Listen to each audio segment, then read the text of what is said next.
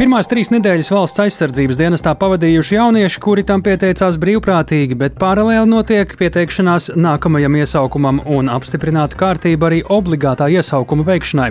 Plašāk par to jau tūdaļ raidījumā pēcpusdiena.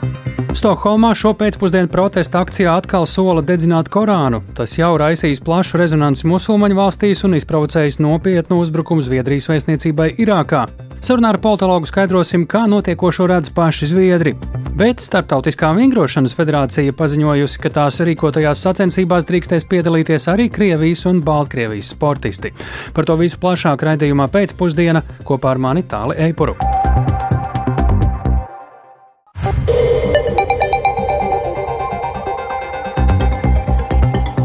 Pūkstens ir 16,5 minūtes. Mēs sakam ziņu raidījumu pēcpusdienu, skaidrojot šodien svarīgus notikumus studijā Tāles Eipors. Labdien! Latvijas melnajā sarakstā iekļauti saldumu ražošanas uzņēmumu Pabeda Confectionery īpašnieki. Tas saistīts ar valsts drošības dienesta konstatētiem riskiem Latvijas nacionālajai drošībai.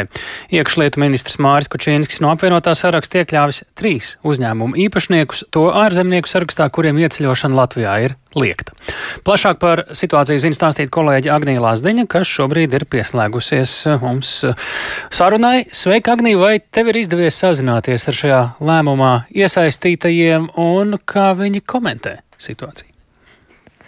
Sveiki, jā, tātad Latvijā kopš 2014. gada ir reģistrēts ar Krievijas salduma ražotni saistīts uzņēmums Pabeda Confectionery, kas arī ražo un tirgo Pabeda zīmola produkciju. Un pārbaudas gaitā valsts drošības dienests vērtēja Latvijā reģistrētā uzņēmuma, tā īpašnieku un patieso labuma guvēju iespējamo iesaisti atbalsta sniegšanā Krievijas armijai. Jānorāda, ka valsts drošības dienesta ziņojumā nav norādīti konkrēti īpašnieku vārdi un uzvārdi, taču kā ziņots jau iepriekš medijos, tad uzņēmuma kapitāla lielākā daļa pieder Kiprā reģistrētai kompānijai, bet pārējo kapitāla daļu īpašnieki ir Kipras pilsoņi Vitālijas un Olga Murovjovi. Savukārt uzņēmuma patiesais labuma guvējs ir Kipras pilsonis Andrejs Murovjovs. Un uh, viena no pobeda ražotnēm jau septiņus gadus atrodas Ventspilī. Tā ir pilsētas brīvostas pārvaldes telpas. Tāpēc runāju Ventspils brīvostas pārvaldi, kur gan pagaidām komentārus nesniedz, taču norāda, ka iekšēja situācija tiks izvērtēta un tad arī attiecīgi lems par tālākajā, tālākajām darbībām. Arī Ventspils pašvaldības domas priekšsēdētāja vietnieks Aigo Gūtmanis sarunā norādīja, ka vispirms situāciju nepieciešams izvērtēt, lai saprastu, kā Ventspils pašvaldība rīkosies, un paklausīsimies viņa teikto. Tā situācija nav ikdienas situācija, viņa tiešām prasa tādu smalkāku analīzi, iedzināšanos un speciālistu secinājumiem un viedokļi. Tā uz piesitienes jums nevarēšu uh, apgalvot, kāda būs, uh, teiksim, rīcība saistībā pret šo uzņēmumu, jo, protams, uh, uzņēmums ir aktīvs, viņš strādā, tur nodarbināti ap 40 Ventspils iedzīvotāji, produkciju viņi ražo, un pagājušā gadā tur ap 3 miljoniem apgrozījums ir bijis uzņēmumā. Tā kā saimnieciskā darbība aktīvi tiek veikta. Mēģināju sazināties arī ar pašu uzņēmumu Latvijā, kur birojā man gan norādīja, ka situāciju varot komentēt vien paši īpašnieki, taču izdevās aprunāties ar saimas deputātu Artūru Butānu no Nacionālās apvienības, kas tad esot vērsies valsts drošības dienestā, aicinot izvērtēt Ventspilī esošās rūpnīcas iespējamos pārkāpumus, un paklausīsimies, kā Butāns stāsta, kas esot noticis pēc tam, kad viņš vērsies valsts drošības dienestā.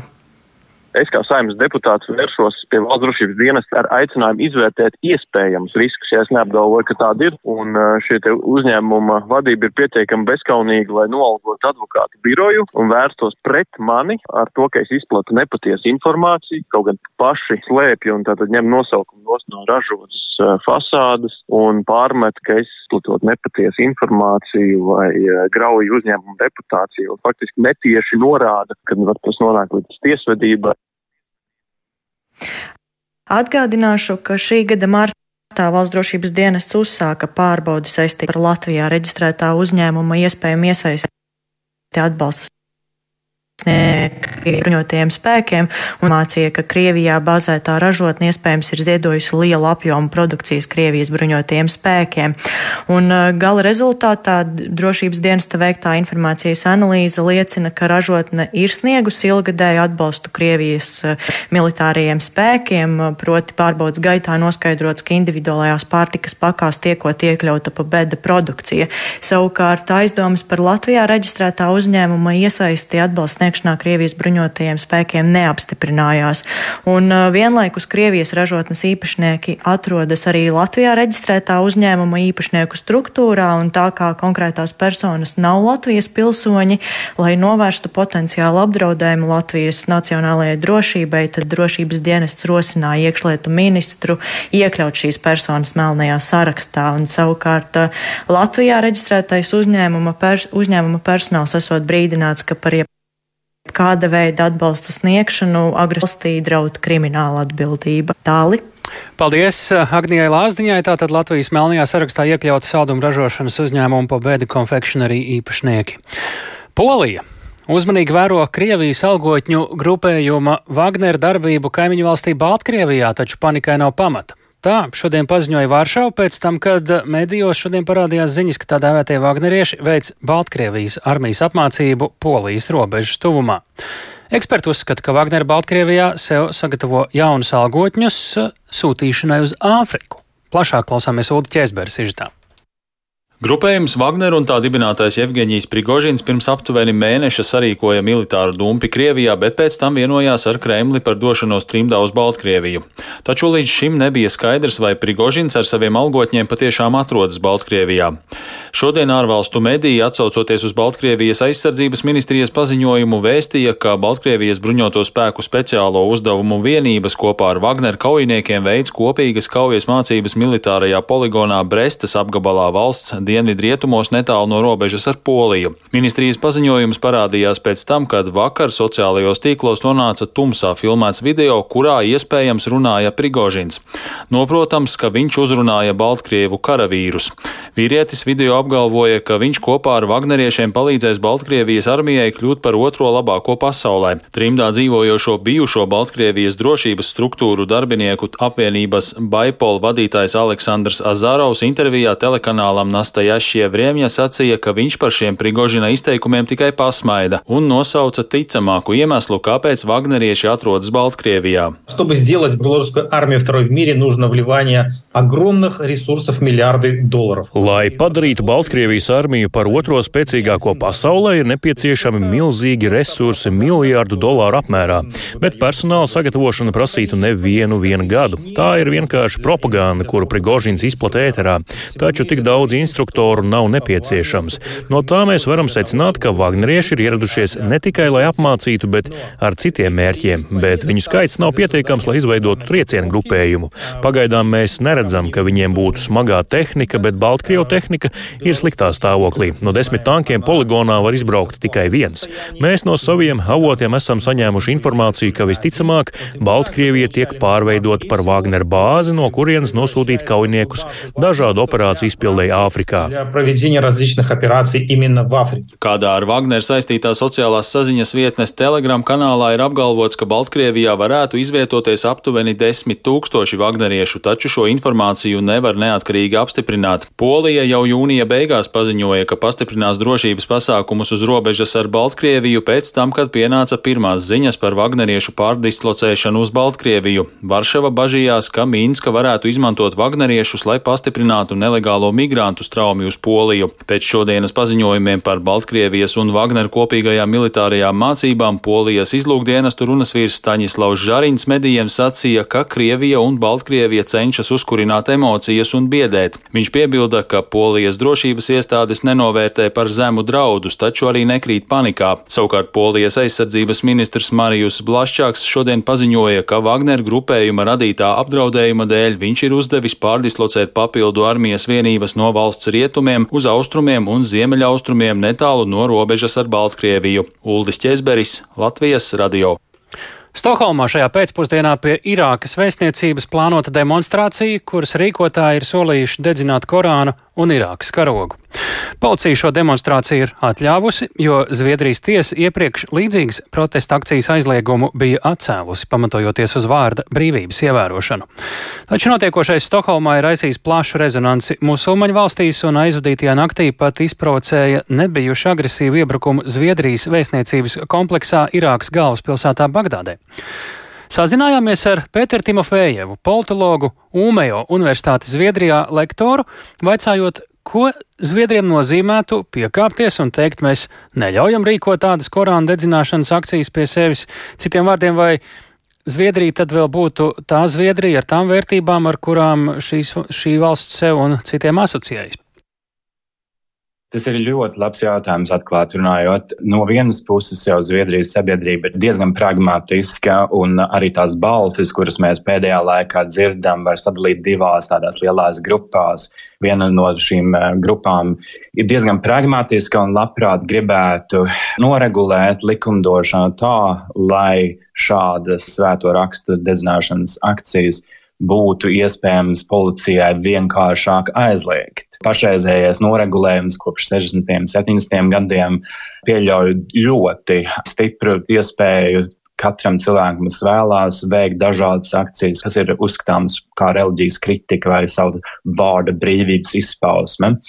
No otras puses ir arī šī mazāk pragmatiskā, vairāk ideālistiskā nometne, kur tiešām uzskata, ka ja mēs sāksim piņķerēties ar mūsu konstitūciju un mēģināsim atrast kaut kādu veidu, kā vai nu Turcijai, vai Irākai, vai kādai citai valstī nākt pretīm, tad mēs principā upurējam savas brīvības un savas tradicionālās vērtības, Zviedrijas tradicionālās vārda brīvības, izteiksmes brīvības vērtības. Tāpēc šis brīdis Zviedrijas politikā ir diezgan interesants, jo, ja tiks šāds noregulējums pieņemts, tad šis jautājums noteikti uzpeldēs kādā vēlēšanu kampaņā, ar ko partijas mēģinās atrast vēlētājus. Kā jums pašam, kā politologam, kā jūs redzat, kāds ceļš šeit būtu ejams, kur te varētu būt risinājums? Es domāju, ka tāds objektīvs risinājums tiešām nav, jo, protams, ka būtu ļoti jauki redzēt Zviedriju NATO. Tas ir mans personiskais uzskats, bet ir jautājums, vai Zviedrija tad būs tāda pati, kā viņa līdz šim ir bijusi pazīstama kā šī brīvā ziemeļa zeme, kur mums ir diezgan izteikta vārda brīvība, izteiksmes brīvība un tam līdzīgi. Un iespēja arī reliģijas kritiku paust ne visiem pieņemamā veidā. Es teikšu, ka um, ir diezgan grūti iedomāties kaut kādu kompromisu. Ļoti grūti iedomāties. Es neapskaužu šos politiķus, kuriem jāpieņem šie lēmumi. Diemžēl man nav nekādas receptes, ko es viņiem varu piedāvāt. Kādu cenu Zviedrija par šo visu, ja neko nemaina, var samaksāt, ja tā pietiekami principiāli pieturas pie savām līdzšinējām vērtībām? Nu, mēs zinām, kaut vai šāda notikuma dēļ šobrīd sarežģīto Zviedrijas ceļu uz NATO. Un kāda cena būtu jāmaksā, ja nepaliek pie šīs nostājas, ja maina? Es tiešām neapskaužu tos Zviedru politiķus, kuriem tiešām ir jāpieņem lēmumu šajā eh, situācijā jo situācija tiešām nav apskaužama. Ja mēs, ja mūsu politiķi tā teikt, neparādīs mugurkaulu, tad viņi par to tiks kritizēti. Jautājums ir, kas šiem politiķiem ir vissvarīgākais šajā konkrētajā brīdī. Es pieļauju, ka daudz politiķi varbūt prioritē tieši iekļūšanu ātrāku iekļūšanu NATO. Godīgi sakot, man nav īsti skaidrs un nav īsti pārliecība, ka Turcija tiešām ir tik principiāli islāma ticības aizstāve, kā drīzāk varbūt šis jautājums tiek izmantots Turcijas iekšējā, iekšpolitiskajā retorikā, lai, lai uzkurinātu kaut kādu naidu pret liberālo, sekulāro Zviedriju un tādējādi izskaidrot saviem vēlētājiem, kāpēc Zviedrija netiek ielaista NATO. Kā teicu, sākumā diezgan grūti iedomāties, ka politiķi tiešām atradīs kādu vieglu risinājumu, bet ja viņi to tā tuvākajā laikā neatradīs, pieļauju, ka Zviedrija ne, nebūs īpaši drošāka, ja nebūs kaut kāds drastisks risinājums. Un cilvēki, ko runā par šo sociālajos tīklos un līdzīgi, vai Jā. mēs redzam, ka sabiedrība to visu uztver kā tādu sabiedrības ekstrēmāko daļu, kas šad tad grib dedzināt un pārējie mm, neko mm. negrib dedzināt, vai vairums nosoda tomēr šādu rīcību, uz kuru pusi tas viss iet? Nu, man ir grūti tā teikt par visu sabiedrību spriest šobrīd, bet no tā, ko es esmu redzējis, es redzu, ka ir cilvēki, kuriem ir gan neizpratne par to, kāpēc ir jādedzina šie svētie raksti, un no otras puses ir cilvēki, kur tiešām ir ļoti norūpējušies par Zviedrijas iekļūšanu NATO un kuri tiešām gribētu pragmatisku risinājumu atrast, kā arī ir cilvēki, kuri Pat ja viņi nav nekādi politiski ieinteresēti, viņiem tomēr ir svarīgas šīs vērtības, vārda brīvība un tam līdzīgi. Un ja mēs esam ļoti atklāti, tad Turcijai, Zviedrijā nav īpaši laba slava, jo mēs visi zinām, ka šīs valsts vadītājs tomēr ir vērsies pret žurnālistiem ka viņa partija un viņas, ka viņa politiķi ir izteikušies neievēroši par um, dažādām minoritātēm un tam līdzīgi, ka visādas eh, cilvēktiesības ir pārkāptas. Tāpēc ir ļoti grūti Zviedriem pieņemt, ka ir tāda valsts, kas viņiem diktētu, ka diktatūra vai semidiktatūra, kurā notiek kaut kādas vēlēšanas, bet kur principā ir diezgan smagas cilvēktiesību situācijas starp vēlēšanām, ka šāda valsts viņiem diktētu kaut kādus noteikumus, lai iekļūtu Ziemeļatlantijas līguma organizācijā. Lūk tā, eh, Latvijas eh, radio eh, sarunā ar mums tātad par Korāna dedzināšanu Zviedrijā un Islāma pasaules reakciju. Īs pirms raidījuma situāciju vērtē Pēters Timofejos, politologs Umejo Universitātes Zviedrijā lektors un, protams, sekosim ziņu raidījumos, kā šodien ritēs akcijas Stokholmā šajā pēcpusdienā. Bet par to, kā palielināt militāro palīdzību Ukrainai, šodien Briselē spriež Eiropas Savienības ārlietu ministri. Augstais pārstāvis ārlietās Žuzeps Borels rosina izveidot īpašu fondu, kas nodrošinātu stabilu finansējumu Ukrainas militārajām vajadzībām. Neoficiāli zināms, ka šim mērķim varētu atvēlēt 20 miljārdus eiro. Sanāksmes norises vietā ir arī mūsu Briseles korespondents Arķams Konhaus. Ar viņu esam sazinājušies tiešraidē. Labdien, Arčam, ko tad īsti nozīmē jaunā palīdzības instrumenta izveida Ukrainas militārajām vajadzībām? Šis tiešām izklausās tā pamatīgi, pastāvīgi un ilglaicīgi. Jā, labdien, tālu, labdien, klausītāji. Tik tiešām šis ir tāds pavērsiens, un tas tiek pamatots ar to, ka tomēr Ukrainai palīdzība tiek sniegta pietiekama liela un pietiekama regulāra, un faktiski šīs avots, no kur, kur ņem līdz šim naudu, drīzumā tiks izsmelts, un tā vietā, lai visu laiku papildinātu to, tiek domāts jau par tādu konkrētu, jau stabilāku sadarbību, jo ir skaidrs, ka palīdzība būs nepieciešama, un visticamāk tā būs nepieciešama vairāku gadu garumā, jo pašlaik daudziem neizskatās, ka karš varētu tik drīz beigties. Te Žozefs Borovs, augstais pārstāvis ārlietās, rosina izveidot jaunu fondu. Tas būtu Eiropas miera mehānismu paspārnē, no kura arī līdz šim jau sniegta nauda, un šis, šī summa varētu būt 20 miljārdi, kā jau tika pieminēts. Viņš gan pirms ārlietu ministra sanāksmes ir sacījis, ka viņš nevēlas publiski nosaukt vēl šo skaitli, bet tas ir tas, kas ir parādījies vairākos plašsaziņas līdzekļos. Tad tie būtu aptuveni 5 miljārdi eiro gadā. Tomēr ir skaidrs, ka sarunas nebūs vienkāršas un ir jāņem vērā, ka, pieņemsim, Ungārija joprojām bloķē astoto maksājumu no, mēr, no miera mehānisma, jo viņiem ir savi, jā, savi, savi iebildumi un viņi šo izmanto, lai saņemtu citus, mēģinātu izspiest citu līdzekļu saņemšanu. Tā kā te ir tāds um, arī politiskais tirgus, ja tā varētu izteikties. Uh, tomēr tas, ka nauda Ukrainai ir nepieciešama uh, pēc Borela domām, pasvītro arī kaut vai fakts, ka eh, tiek pēdējās naktīs iznīcināti graudu krājumi Odesas ostā, un tas pēc eh, Boreldomām ir tiešām ļoti nopietnas pavērsiens. Paklausīsimies! Ir tikai viens risinājums - palielināt militāro palīdzību Ukrainai. Ja viņi tiek bombardēti, tad mums ir jānodrošina pretgaisa aizsardzība. Ja Krievija izmanto dronus, tad mums ir jānodrošina pretgaisa aizsardzība, lai šos dronus iznīcinātu. Tas jau tiek darīts, tomēr masīvie uzbrukumi pēdējās trijās naktīs pieprasa, lai mēs sniegtu atbildi, un izņemot retoriku, tā var būt tikai viena nodrošināt vairāk militāro resursu. Tagad diskusijas par to turpināsies vismaz līdz rudenim, un tie, tās notiks uh, budžeta kontekstā, Eiropas Savienības uh, daudzgadu budžeta pārskata kontekstā, kur arī, protams, citas vajadzības. Tāli. Tātad diskusijas vēl turpinās, lēmuma nav līdz ar to, ka tad reāli šīs mehānismas varētu sākt darboties, ja to kaut kad apstiprina.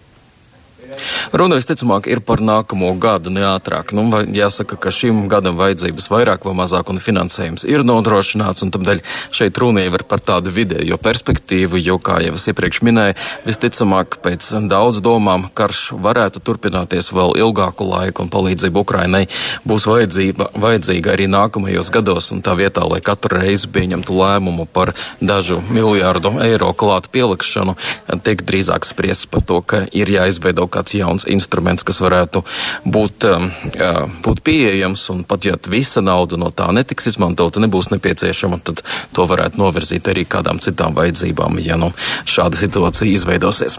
Jā, šis savā ziņā parāda, kā Eiropas Savienība redz, cik ilgi karš varētu turpināties, diemžēl. Bet šodien gan Briselē, gan arī Londonā tika pieņemta vairāk lēmumu par sankcijām pret Krieviju. Ko tu par tiem vari pastāstīt? Tik tiešām ir vairāki lēmumi pieņemti. Ārlietu ministri ir lēmuši par to, ka ir nepieciešams pagarināt sankcijas, kas jau ir no 2014. gada pret Krieviju ir ieviestas. Daļa no sankcijām šis ir jādara katru pusgadu, un šoreiz arī šis lēmums nav izraisījis nekādas plašas diskusijas. Tad sankcijas ir pagarinātas, un tāpat arī Londonā ir spērts jauns solis un ir iekļauti trīs pat 13 cilvēki sankciju sarakstā, kas ir saistīti ar Wagner grupējumu, par ko arī plaši esam runājuši. Šie cilvēki gan ir tie, kas nav varbūt tik aktīvi piedalījušies Ukrainas kardarbībā, bet gan drīzāk ir saistīta ar Wagner darbību Malī un arī Centrālā Afrikas Republikā, bet arī tur ir pastrādāti pietiekami nopietni noziegumi un cilvēki, kas ar tiem ir saistīti, tad šobrīd ir iekļauti Lielbritānijas malnajā sarakstā. Jā, paldies Ārķemam Konokovam. Tik tālu ziņas no Briseles par aktuālāko ārlietu ministru sanāksmē, bet sankcijas un ierobežojumi neizbēgami ir skāruši arī sporta pasauli, taču tiek spērti soļi ne tikai uz sankciju pastiprināšanu, bet arī uz atvieglošanu. Startautiskā vingrošanas federācija šodien paziņojusi, ka tās rīkotajās sacensībās no nākamā gada pirmās dienas drīkstēs piedalīties arī Krievijas un Baltkrievijas sportisti. Tiesa, viss nav tik vienkārši.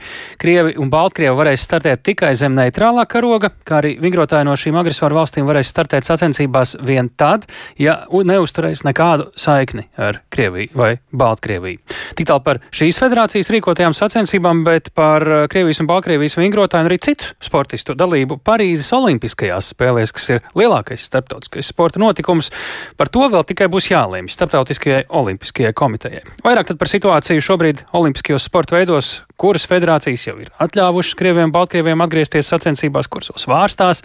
To izstāstīs kolēģis Mārtiņš Kļavnieks. Viņš pievienojas mums studijās. Sveiks, Mārtiņ!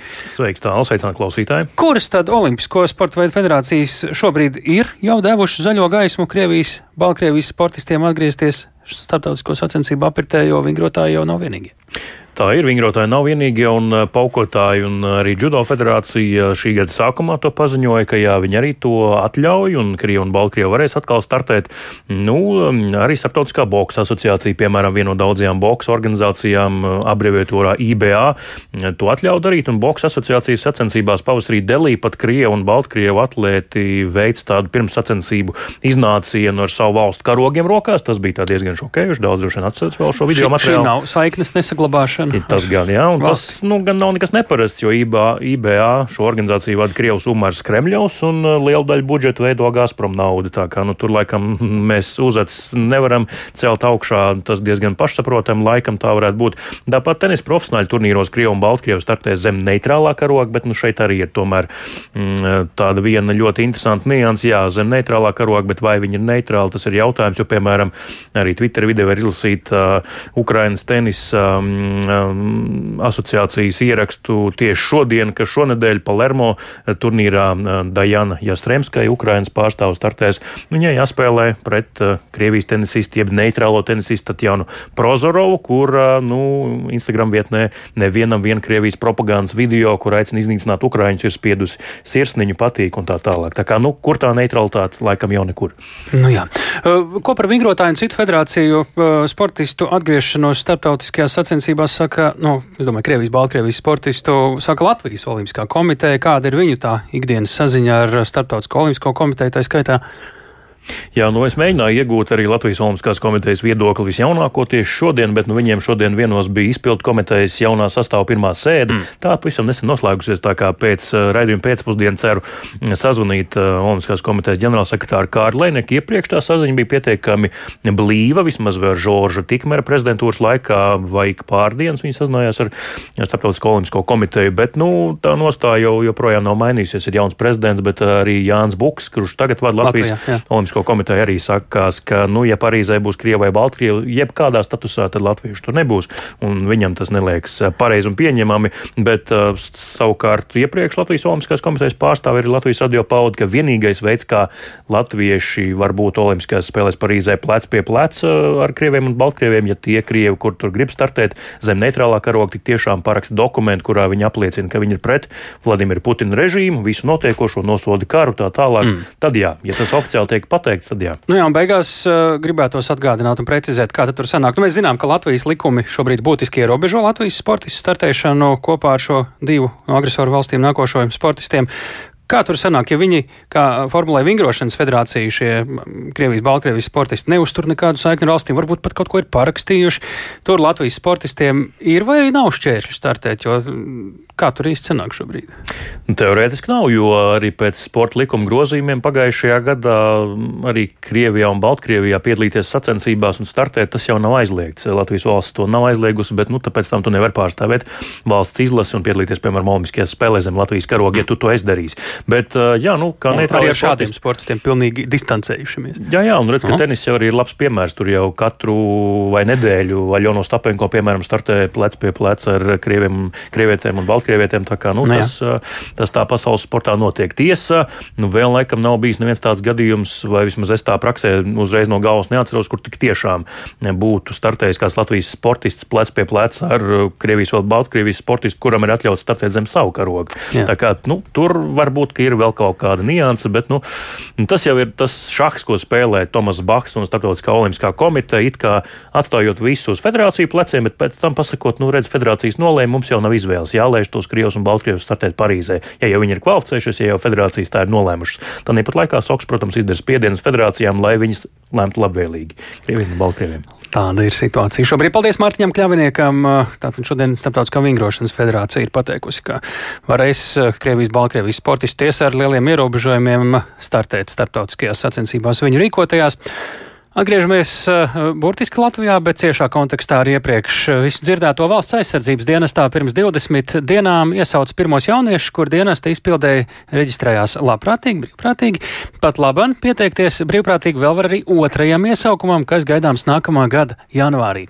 Tā kā brīvprātīgo interesantu varētu šoreiz uh, nepietikt, aizsardzības ministrijai un Nacionālajiem bruņotajiem spēkiem varētu nākties sākt iesaukt pilsoņus arī obligātā kārtā, tāpēc valdība nesen arī pieņem kārtību, kādā tas notiks. Plašāk Santis Ādamsons ierakstā. Pirmajā iesaukumā uzņemti 254 jaunie karavīri.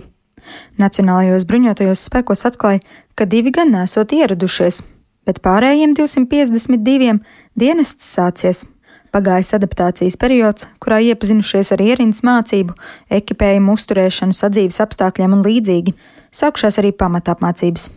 Sauszemes spēku mehanizētās kainieku brigādes otrā mehanizētā kainieku bataljona štāba virsseržants Pēters Mužnieks stāsta par režīmu. Karavīri mostas ap sešiem, tad piedalās rītrosmē, sakārto istabiņas un dodas brokastīs. Parasti ikdiena sākas pirms 8.30, kad ir izvades. Izvade nozīmē, ka karavīri atrāda savu ārēju izskatu, noskūšies, savu dušu formu starp kārtībā. Un tad jau pēc 8.30 sākas nodarbības, 5. vakarā viss nodarbības beidzās, un tad karavīri dodas tā kā vieglā fiziskā sagatavotība. Desmitos jau karavīri saldi čuču savās gultās, un sēdienas svētdienas pašlaik viss ir plānots brīvs. Vēl, protams, pusdienas, vakariņas un brīvais laiks. Tā vēl gandrīz 11 turpmākos mēnešus, bet tikmēr otrajam iesaukumam janvārī līdz šim pieteikušies 197 pilsoņi. Iepriekš pirmajā iesaukumā uzņēma aptuveni pusi no tiem, kuri bija pieteikušies. Ja 120 brīvprātīgie nesanāks, tad šoreiz trūkstošo skaitu iesauks obligātā kārtā.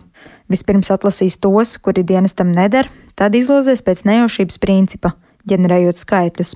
Kārtību skaidro aizsardzības ministrijas valsts sekretārs Jānis Garisons. Pēc novadu principa tad attiecīgi katrā novadā šie jaunieši katram tiks iedots kārtas numurs un attiecīgi atbilstoši tam skaitlim, ko nepieciešams iesaukt, tad tiks proporcionāli sadalīti tas skaitlis, cik ir no katra novada nepieciešams. Tas, protams, ir lielā mērā atkarīgs no tā daudzuma jauniešu, kas ir šajā iesaukšanas vecumā katrā novadā. Ja tas nepieciešams, atlases procedūra būs jānodrošina jau 10. augustā. Jāpagūst izsūtīt veselības pārbaudas norīkojums un tad oktobrī arī pavēsti. Lai kā nosaka likums, trīs mēnešus iepriekš iesaucamais būtu informēts par to, ka janvārī jāsāk dienests. Tikmēr pirmo iesaukumu galvenais virsseržants Pēters Mužnieks vērtē, tas sāks veiksmīgi. Tomēr radušies arī pirmie secinājumi. Piemēram, turpmāk instruktori būtu jāsāk sagatavot agrāk, paskaidro mužnieks. Varbūt tās daudziem instruktoriem bija ļoti grūti pārstāties to, ka viņiem būs tāda pedagoģiski izaicinājuma ar jauniešiem, kuri ir daudz, daudz savādāk nekā profesionāla dienesta karavīri. Pieminēšu, ka valsts aizsardzības dienesta karavīri saņem atlīdzību. Tie, kuri pieteikušies brīvprātīgi, ik mēnesi saņem 600 eiro. Tie, kuri iesaukti obligātā kārtā, saņems divreiz mazāk 300 eiro. Pabeidzot dienestu, visi, kuri tajā dienējuši, papildus saņems vēl vienreizēju 1100 eiro kompensāciju. Santa Adamsona, Latvijas Rādio.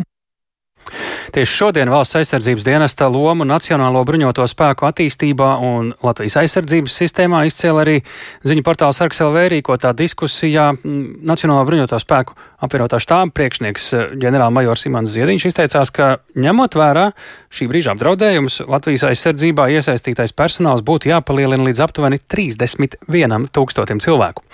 Un bez valsts aizsardzības dienesta šīs uzdevums nav sasniedzams. Eksperti sarunā eh, no aizsardzības ministrijas, no bruņotajiem spēkiem tādēļ atzina, ka dienestam ir fundamentāli nozīme. Un lūko par pirmo iesaukumu un brīvprātīgo jauniešu motivāciju, kas ir ļoti dažāda, teica Nacionālās aizsardzības akadēmijas drošības un strateģiskās pētniecības centra direktors Toms Rostoks.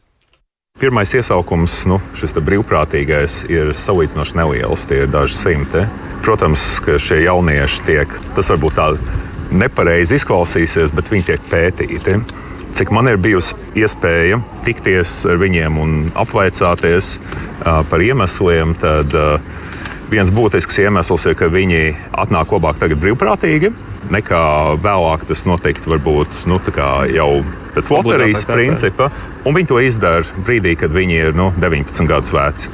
Ir citi, piemēram, kuri labprāt mēģina saprast, vai militārā karjera priekš viņiem Un viņi atnāk uz tiem 11 mēnešiem, lai to saprastu. Nevis uzreiz parakstīt mm. līgumu profesionālajā dienestā uz pieciem gadiem, piemēram. Citiem savukārt tā ir tāda ļoti mērķiecīga lieta, piemēram, nu, ka viņam ir konkrēta izglītība, kur viņš grib iegūt, un tā nauda, kuru viņš saņems katru mēnesi un arī nu, dienas noslēgumā, tā viņam būs daļa no mācību maksas. Tā kā motivācijas ir ļoti dažādas, bet viņas ir ļoti pragmātisks, arī patriotisms. Ar patriotismu nav tik vienkāršas attiecības. Jo īpaši, kad tu esi 19 gadus vecs, tev viss dzīvo priekšā, tev nav bērni, par kuriem tu esi gatavs teikt, cīnīties un krist. Tur vairāk ir tāda ļoti konkrēta motivācija. Tā Nacionālās aizsardzības akadēmijas drošības un strateģiskās pētniecības centra direktors Toms Rostoks. Turpinām par drošību, bet šoreiz par vides drošību, tā varētu teikt. Trauksme ceļ Bauskas novada skaistkalnas iedzīvotāji par to, ka Lietuvā, Latvijas robežas tiešā tuvumā paredzēts būvēt vērienīgu vēja parku ar vismaz 35 ļoti lielām turbīnām. Parks atrastos nepilnus 3 km no Bauskas novada skaistkalnas. Satraukuma iemesls ir tas, ka šajā apvidū ir tāda lieta kā karsta kritenes. Geoloģisks veidojums, jeb faktiski zemes iegruvumi, kas rodas īpatnēju pazemes procesu dēļ. Un pastāv bažas, ka vēja ģeneratoru tuvums karsta procesus varētu pastiprināt. Kolēģi Zanēniņa ir sazinājusies ar vēja parku projekta attīstītājiem, un Zana arī šobrīd ir pie mums studijā. Ko tev izdevās noskaidrot par situāciju, un vai kaut ko var mainīt, kaut kas tiks darīts? Sazinājos ar Lietuvas alternatīvo enerģiju uzņēmuma biržu vējas vadītāju Evaldu Lossi, un viņam nebija zināms, ka Latvijas pusē vēja parka projekts izraisīs tādu uztraukumu. Paklausīsimies, ko viņš teica. Latvia, had... Mēs esam sazinājušies ar Latviju. Mūsu ministrija ir nosūtījusi vēstuli Latvijai, bet nezinu, kas ar to pašlaik notiek un kurš ir uztraucies. Neviens no Latvijas mums nekādu informāciju vēl nav sniedzis. Izjautāju uzņēmumu biržu vējas vadītāju par to, cik tālu viņi tikuši ar šo projektu, un viņš teica, ka noteikti veiks ietekmes uz vidu novērtējumu, bet par laiku, kad varētu sākties celtniecība, esot pāragri runāt. Katrā ziņā tas būs liels projekts, un kopējās izmaksas atkarīgas no tā, cik turbīnas izvietos. Kā liecina informācija, ko Lietuvas vidas ministrija jūnijā sniegusi Latvijas vidas pārraudzības valsts birojam, biržu vējas gatavojas izvietot 35 270 metrus augstas vēja turbīnas Nemunēļu radvilišķu un Parovējas administratīvo centru teritorijā. Tā atrodas pavisam tuvu skaistkalnē, kā telefona sarunā teica Bauskas dzīves galvenā redaktore Anita Rozentāle, tas ir turpat pāri tiltiņam, e, bet tuvākais aizsargājamais dabas objekts atrodas vien nedaudz vairāk kā kilometra attālumā, un tā ir Natūra 2000 teritorija, aizsargājams geoloģisks un geomorfoloģisks dabas piemineklis skaistkalns karsta kritenes. To kopējā platība ir 113 hektāri, lielākās kritenes sauc par dobēm, un tām ir arī katrai savs nosaukums. Tur ir ir piemēram čurkstu dobe, kuguru dobe, kazas dobe un tam līdzīgi. Un kritenēs atrodas arī ezeri - mežazars un mežmāls ezers. Pazeminājumi var būt līdz pat 10-12 eh, metru dziļumā tādi veidojumi. Hmm. Nu, Nu, kā tur ir? Vai vispār uh, kaut kur Lietuvas, Latvijas, Eiropas likumos ir noteikts, cik tālu no šādas geoloģiski nestabilas vietas, kāds ir šis karsta kriteņu reģions, uh, arī liegumi, tu pieminēji, vispār drīkst atrasties tam līdzīgi industriāli, vibrējoši, ļoti augsti objekti? Un par precīziem attālumiem es, man neizdevās vēl noskaidrot, bet Lietuvas puses iesniegtajos oficiālajos dokumentos ir norādīts, ka turbīnas aizsargājumā teritorijā neietilpst. Um, savukārt Bauskas novada vides speciālists Valērijas Gabrāns uzskata, ka viss nav tik vienkārši. Viņš skaidroja, ka nekur Baltijā tik plaša, blīva un arī tik augsta vēja parka nav. Līdz ar to par tā ietekmi uz vidi var spriest tikai teorētiski. Tā kā iekšzemē vēja nepūš tik stipri kā pie jūras vai citās klajās vietās, lai milzīgos spārnus iegrieztu, tie ir jāizvieto ļoti augstu. Un, lai tik augstus torņus nostiprinātu, nepieciešami kārtīgi pamati. Taču celtniecība un vēlāk uh, arī turbīnu darbināšana teorētiski varētu ietekmēt nestabilos karsta procesus. Lūk, kā tos aprakstīja Valērijas Gabrāns. Karsta kriteņi tā tad ir tādi geoloģiski procesi, kur rezultātā ūdenī šķīstoši minerāli sadalās, izšķīst un veidojās pazemē tukšumu kuri piepildās ar ūdeni, citreiz arī nepiepildās ar ūdeni un veidojās tāda zemes iegruvumi. Latvijā vismaz divas vietas, es zinu, varbūt ir vairāk atsevišķi lokāls vietas, bet viena ir Skaiskalnē, otra ir Auveža tūmā. Un ir arī tādi, teiksim, pieņēmumi balstīti uz pieredzi, kad šos procesus karsta var ietekmēt arī cilvēka darbība. Un es domāju, ka ja tādas turbīnas izvieto kurām pamati sniegsies vairāku desmit metru varbūt dziļumā, pāris kaut kādas bijis, acīm redzot, vai ko, un viņas visu laiku būtu pakļautas mehāniskai, teiksim, iedarbībai, tad varētu veidoties arī situācija, ka šie darbībā provocē tieši šos karstu procesus. Vides speciālists minēja, ka teorētiski tas varētu nozīmēt nevien jaunus zemes iegravumus, bet arī pastiprinātu ūdeņu ieplūšanu pazemē no tuvējām upēm. Vienā no viņa aprakstītajiem tiem briesmīgākajiem scenārijiem varētu notikt pat tā, ka izmainās upju izvietojums. Proti, šajā sektorā ļoti tuvu mēmeles upē pienāk Iecevas upe, kuri jau tagad daļēji ietekot karsta kriteņu pazemes ejās, bet eh, nepiesardzīgas saimnieciskās darbības rezultātā Iecevas upe varētu pavisam pazust pazemē. Kolēģi no laikraksta Bauskas dzīve pabijuši arī attiecīgajā pašvaldībā Lietuvas pusē. Tur arī cilvēki ir noraizējušies par gaidāmo būvniecību, bet viņiem apgalvots, ka projekts jau saskaņots, viss parakstīts. Pašvaldībai tikai jānoorganizē informatīva sapulce, kurā projekta attīstītājs prezentēs savu ieceru iedzīvotājiem. Bauskas novada pašvaldībā teica, ka šāda mm, apspriešana noteikti tiks organizēta arī Latvijas pusē. Pēc mm, vidas speciālista Valērija Gabrāna teiktā, arī viņam arī bija tāda informācija, ka Skaistkalnē būs tāda sanākšana. Nu, labi, notiks abās robežas pusēs šādas sanākšanas, bet cik tās kaut ko var tā reāli ietekmēt un izšķirt, un cik tām ir tas lielais, cik liels svars tām ir iepratīm tam pašām ietekmes uz vidi novērtējumu, piemēram. Gan sanāksmes, gan novērtējums ir tikai daži no soļiem, kas jāspēr pirms tiek līdz celtniecībai. Un nozīmīgāks ir, būt, būtiskāks ir ietekmes uz vidi novērtējums, jo tas šajā gadījumā visticamāk būs nu, pārobežu līmeņa pasākums. Vides aizsardzības un reģionālās attīstības ministrs Mārcis Sprindžuks no apvienotā saraksta pauda, ka šādā situācijā projektam noteikti nepieciešams ietekmes uz vidi novērtējums. Eh, kas vēja biznesam var būt tik labi pozitīvs kā negatīvs šajā gadījumā bet nu, vides pāraudzības valsts birojā savukārt paskaidroja, ka līdz 10. augustam Lietuvas puse gaida atbildi, vai Latvija iesaistīsies vēja parka ietekmes uz vidi novērtējumā. Pašlaik birojas noskaidro potenciāli ieinteresēto institūciju viedokli, un tās ir ministrijas, valsts vidas dienests, dabas aizsardzības pārvalde, Bauskas novada pašvaldība, Oksprīguma tīkli un citas, bet jau pašlaik izskatoties, kā jau minēju, ka Latvija šajā procesā piedalīsies, un tas būs tāds startautisks. Nu jā, nu šai, šim stāstam šī puse ir ļoti svarīga un ļoti, ļoti svarīga. Protams, atcerēsimies arī otru pusi, jo vairāk šādu lielu un jaudīgu vēja parku, jo mēs visi kopā maksājam lētāk un neatkarīgāk par elektroenerģiju. Vakar Lietuvas prezidents aicināja Latvijas prezidentu arī domāt daudz rūpīgāk par atslēgšanos no Krievijas elektrotīkliem. Paldies Zanai Eniņai par šo sarunu. Mēs sakām paldies jums, klausītāji, par raidījumu pēcpusdienu klausīšanos. To veidoja Tāls Eipurs, Ilza Agīnta, Renārs Šteimans, Mārtiņš. Paeglis. Ja vēlaties šo raidījumu dzirdēt sev vērtā laikā, pēc paša izvēles meklējiet Latvijas radio mobilo lietotni. Tur uh, atrodams dienas ziņas, un tāpat arī to var salūkot dažādos raidierakstu, dažādās platformās.